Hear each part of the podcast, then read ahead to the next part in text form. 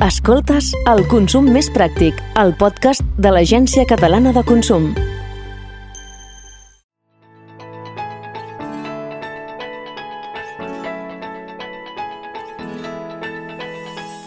El consum més pràctic és la secció que ara mateix eh, duem a terme per tal de tractar diversos aspectes que ens afecten a qualsevol ciutadà i ciutadana. Fa unes setmanes parlàvem també una miqueta de la situació durant la pandèmia a la província de Tarragona, dels drets que tenim els consumidors quan comprem algun producte i també de com eh, comprar una entrada d'algun espectacle de forma segura. Arribant l'estiu, eh, arribant també una mica que s'acaben aquestes restriccions de la pandèmia i també arribant arribant les vacances, volem parlar dels viatges. És època doncs, de comprar vols, de comprar trens, de comprar bitllets per poder viatjar i pensem que és un bon tema per poder començar a repassar. Per parlar avui també d'aquest nou tema, d'aquestes restriccions eh, pels viatgers que arriben i també dels drets que tenim els consumidors i consumidores, tenim ja amb nosaltres a la cap de la secció de Consum a Tarragona de l'Agència Catalana del Consum, a la Judit Pujol. Judit, molt bon dia. Hola, bon dia, Sílvia. Doncs doncs mira, arriba una bona època ja, suposo que abans d'entrar en matèria, eh, un estiu, jo crec que amb moltes ganes de, de viatjar, no? Moltes persones aprofitant que ja podem sortir de casa i podem viatjar, crec que serà un estiu interessant a nivell de viatges, eh, Judit? Sí, en tenim ganes. Tenim ganes, eh? Sí, sí, sí. I a més, si ja definitivament eh, podem prescindir de la mascareta doncs, a l'aire lliure, doncs encara millor. Per començar, Judit, quins aspectes hauríem de tenir presents si volem contractar un viatge de cara a aquest estiu i també tenir tenint en compte encara que hi ha alguns països amb certes restriccions. Sí, sí, efectivament, eh, ho veiem cada dia a les notícies, que continuen haver-hi restriccions, moltes limitacions, llavors el més important és que abans de planejar qualsevol viatge, el consumidor s'informi de les limitacions eh, que hi ha, de les restriccions i, i de quins requisits que demanarà el país eh, de destí on, on vulgui viatjar. Eh, si té previst viatjar dins de la Unió Europea, hi ha una pàgina web que està molt bé, una plana web que es diu Reopen Europa, i allà podrem veure, segons la destinació que vulguem anar, els requisits que ens demanaran, ja sigui doncs, una vacuna, o hi ha països que et demanen fer una quarantena, o que et demanen el PCR, doncs allà ho podem trobar. Després, eh, nosaltres aconsellem que es fixin amb les condicions pactades en el, en el contracte de, de viatge no? i tots aquells serveis que han pactat, quines condicions hi ha. També hi ha gent que està contractant assegurances. Molt bé. Uh -huh. I en aquest cas també ens hem de fixar quins són els riscos que cobreix l'assegurança, perquè hi ha moltes assegurances que no cobreixen els temes de pandèmia, que això és el que ens vam trobar amb, amb la pandèmia que estem uh -huh. passant ara. Uh -huh. Evidentment, sempre que viatgem, en qualsevol època, és important tenir-ho tot ben lligat, però més ara amb aquestes restriccions que no ens trobem això, no? que no podem entrar, que no portem el PCR, Exacte. molt atents a tota aquesta informació que tu donaves. I a més, Judit, hi ha eines no? per poder fer-ho, com dius, aquestes webs, vull dir que està a l'abast de tothom sí, sí. poder estar informat. Em, volar o, o viatjar, en general, representa moltes vegades un retard, una cancel·lació, eh, que hagi overbooking... Evidentment, tenim uns drets. Què és el que podem fer davant d'aquestes coses, Judit? Sí, avui en dia hi ha molta normativa europea i estem molt emparats, no? els viatgers tenen, tenen molts drets, però per poder aplicar aquesta normativa europea és molt, molt important que es tinguin en compte dues coses. Primer, és que el, el lloc d'origen d'on sortim sigui de la Unió Europea. El país ha de ser de la Unió Europea per poder eh, aplicar-nos aquesta normativa. I si no és un país de la Unió Europea, almenys eh, que la companyia amb la que viatgem uh -huh. operi o estigui dins de la Unió Europea, encara uh -huh. que eh, viatgem a un país tercer. Llavors, en aquests dos casos ens podran aplicar els drets de, que tenim com a passatgers europeus. Uh -huh. Llavors, si nosaltres tenim qualsevol problema a l'hora de viatjar, que veiem que se'ns han vulnerat els nostres drets, eh, què podem fer? Primer de tot s'ha de fer una reclamació prèvia a la companyia, a l'empresa amb la que tu hagis tingut el problema. Si en 30 dies no et responen o la resposta no t'agrada, trobes que no és satisfactòria i que continues sentint que els teus drets s'han vulnerat, llavors el que pots fer és venir a nosaltres, a l'Agència Catalana del Consum.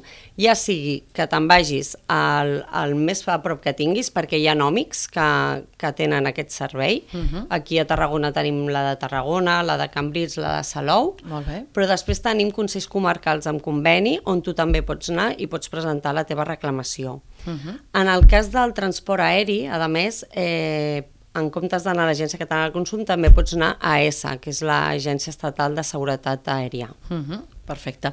Eh, està molt bé, no?, perquè jo sempre penso que des de que conec a la Judit i una mica més eh, conec més l'Agència Catalana del Consum, em dono compte, Judit, que tenim molts més drets dels que segurament pensem, eh?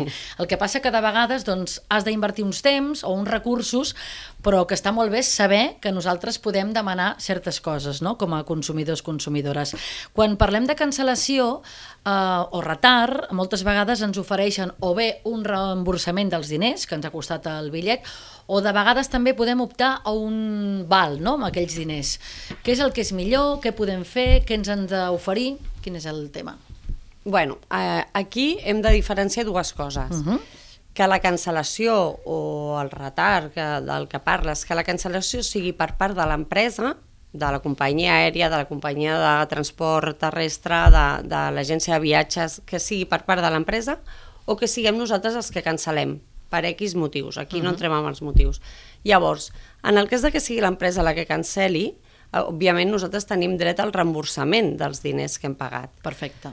Què passa? Que sempre hi ha l'opció de que l'empresa ens dongui solucions alternatives. Uh -huh. Doncs ja sigui un val o a vegades et donen un val i alguna cosa més, no? Per, per, perquè tu triïs la, la solució de que no sigui el reintegrament de, Sí. dels diners. En aquest cas el que ha de quedar molt clar és que la voluntat d'acceptar o no acceptar és del consumidor. O sigui, uh -huh. és el consumidor el que finalment decidirà si vol el reemborsament o si vol acceptar el val. El que no pot ser és una, una condició imposada per l'empresa, i això ha de quedar clar. Uh -huh. En el cas de que sigui el consumidor que no vulgui viatjar, pel que sigui, perquè ara mateix hi ha consumidors que tenien vols contractats o Sí. viatges contractats que els hi ha agafat por i no hi ha cap impediment perquè viatgin, però diuen, mira, és que prefereixo no viatjar. Llavors sí que s'haurà d'estar a les condicions pactades en el contracte i per això és tan important que nosaltres sempre mirem molt bé les condicions abans de signar res i abans de contractar cap servei. I si parlem de, de més viatges o de transport aeri, Judit, eh, quan tenim dret al reemborsament dels diners que haguem pagat eh, prèviament per aquell vol que havíem d'utilitzar? Sí, la, el reglament comunitari el que ens diu és que en els casos en què hi hagi una cancel·lació de vol o que el retard sigui superior a 5 hores, tenim dret o a un vol alternatiu o al reemborsament dels diners. Uh -huh. Però, a més a més, el reglament estableix unes indemnitzacions.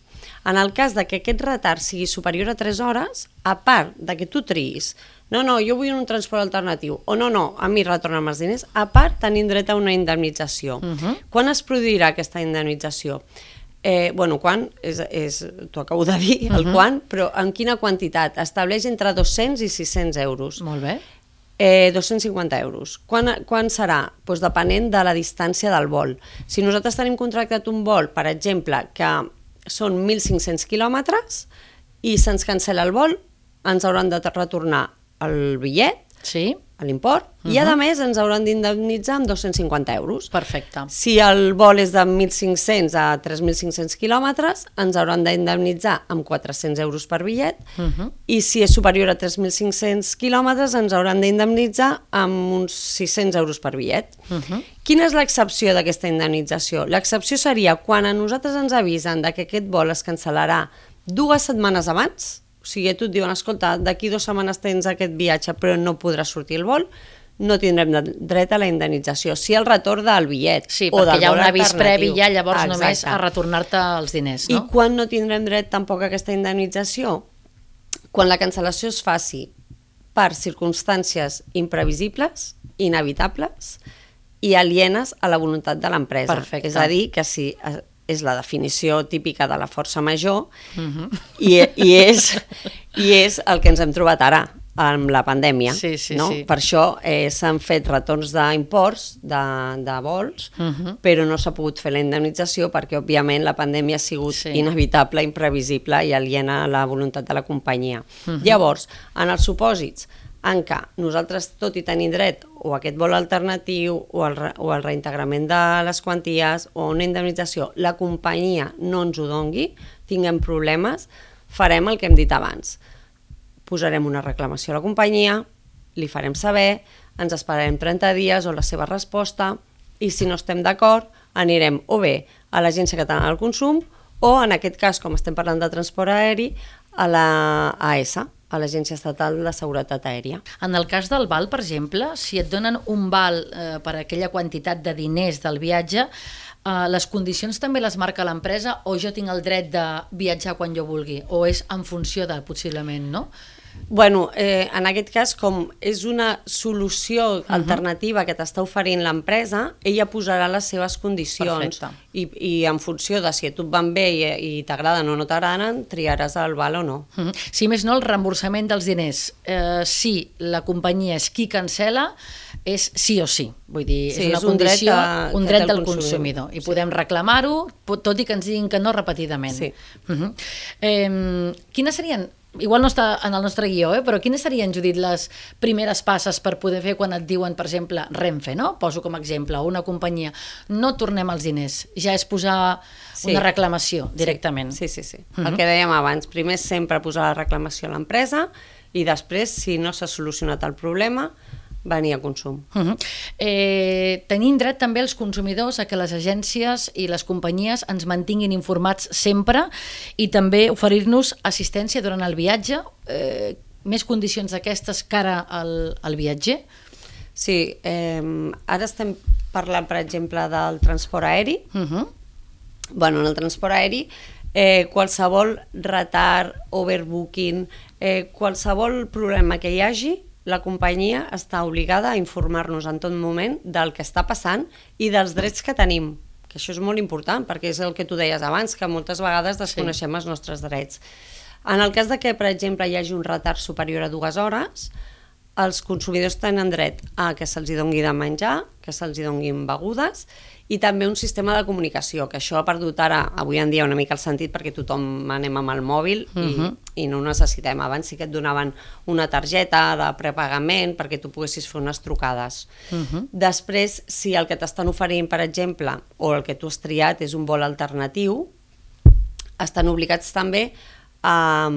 Perdó, és un vol alternatiu que no surti en aquell mateix moment i surti l'endemà, Sí. també t'han de donar allotjament. Exacte. Val? Mhm. Allotjament i si l'allotjament està apartat de l'aeroport, el transport ha d'estar inclòs. Això sempre té una bona solució o moltes vegades passa que les companyies no t'informen, estàs hores i hores en una sala d'espera sense saber el què, no? Sí. També és la realitat moltes sí, vegades. Sí, sol passar això, és veritat. Això era pel que fa al transport aeri. Si parlem de tren, si parlem de vaixell, d'altres mitjans, què fem? Quins drets tenim? Bé, doncs aquí també estem eh, emparats per la normativa europea, tenim drets que sobretot en, en aquests àmbits, no? en el transport terrestre, en el transport marítim, potser desconeixem més, potser els més coneguts són els de transport aeri, i, i també tenim dret a, a reemborsaments i també tenim dret a indemnitzacions depenent del cas que ens trobem. Per exemple, si estem parlant d'un transport terrestre que nosaltres hem agafat un autocar per fer un viatge, la normativa et diu que si eh, són més de 250 quilòmetres i hi ha un retard de més de, em sembla que són 120 minuts, tu tens dret a o bé que et retornin els diners o bé un transport alternatiu o que s'acabi de fer aquest viatge. No? Aquest, aquest, eh, això sempre es té, eh? o, o el viatge alternatiu Uh -huh. o el reemborsament dels diners. Uh -huh. I en el cas de que tu eh, decideixis eh, no continuar el viatge, això, eh, transport terrestre, el tipus autocar, eh, t'haurien de retornar el 50% de l'import del bitllet. Molt bé. Uh -huh. Insisteixo que és eh, en el cas de transport terrestre, perquè en el cas del transport marítim és diferent. És diferent, O sigui, canvia. hem d'anar mirant cada vegada quin, quina tipo- tipologia de, de transport hem triat. Uh -huh. Per exemple, en el cas de tren, que aquí sí que coneixem que hi ha molts retards i molts problemes sovint. Jo crec que ja és habitual que hi hagi retards. Sí. Doncs ens diuen que si es produeix un retard superior a 60 minuts, tu també pots optar per dir, escolta, ja no vull fer aquest viatge, Sí. retorna'm els diners, uh -huh. o eh, val, doncs m'esperaré al, al tren següent, o si em poses un autocar o un, un, via, un transport alternatiu. Uh -huh. Sí, a, a més a més, hi ha un retard d'entre aquests 60 minuts fins a 119 minuts, t'han d'indemnitzar tornar-te'n el 25% de l'import del bitllet. Uh -huh. I si és superior a 120 minuts, t'han de tornar el 50% del eh, import del bitllet. Això com a indemnització, a banda de, del que diem, no? del reemborsament o del transport alternatiu. Uh -huh.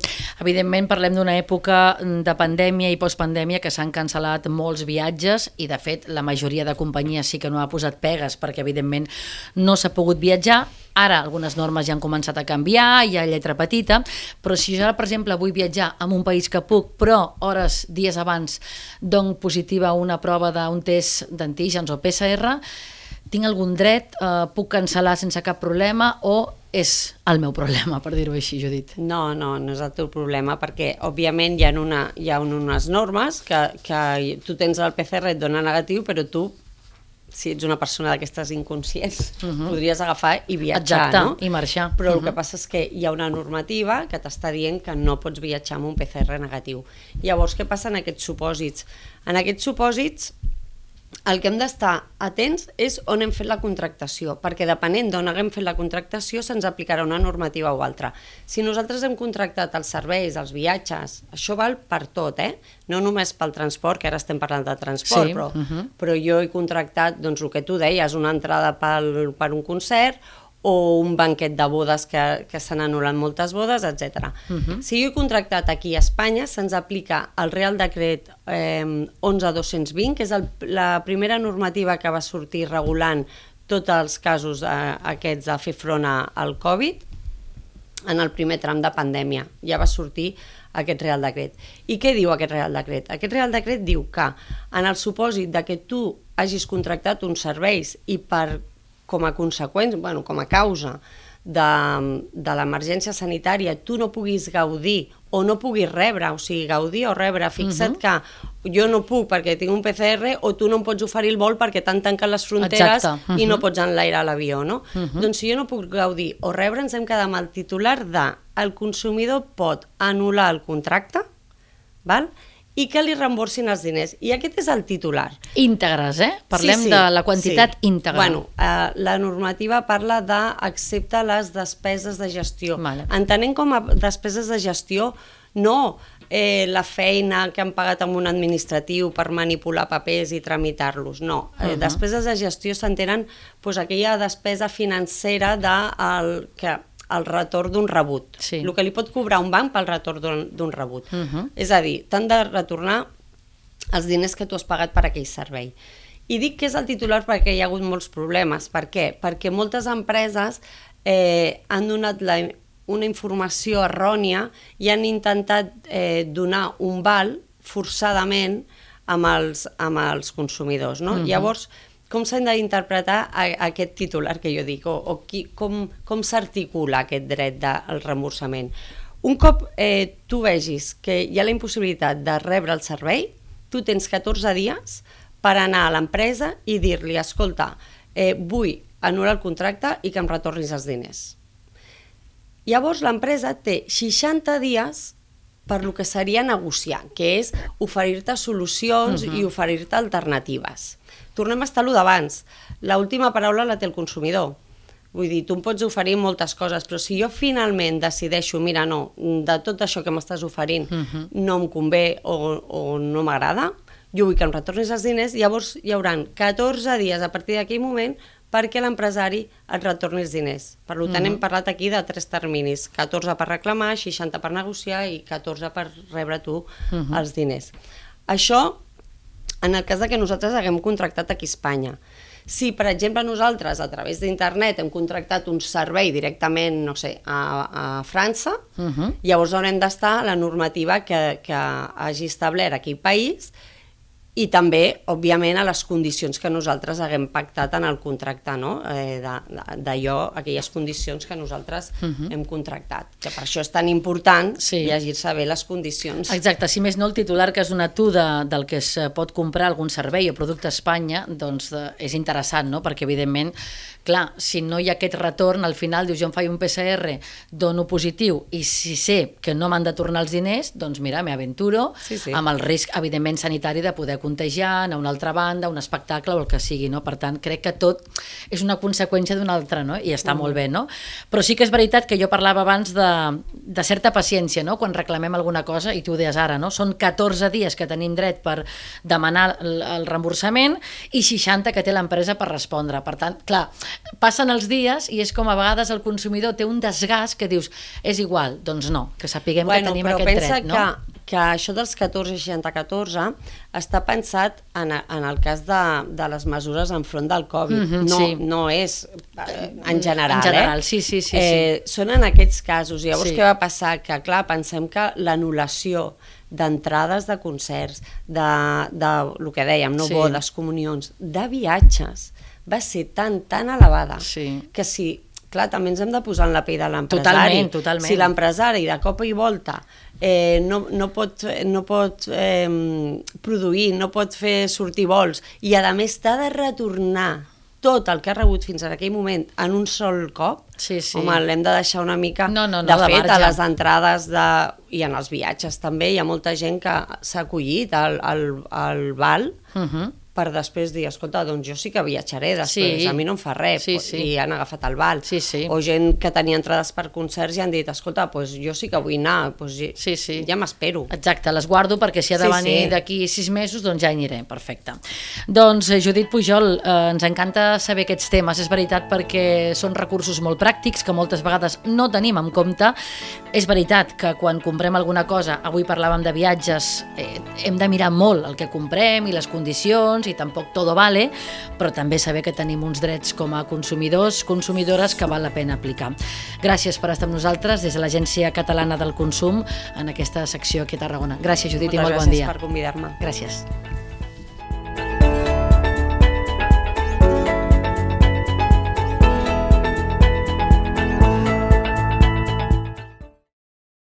Escoltes El consum més pràctic, el podcast de l'Agència Catalana de Consum.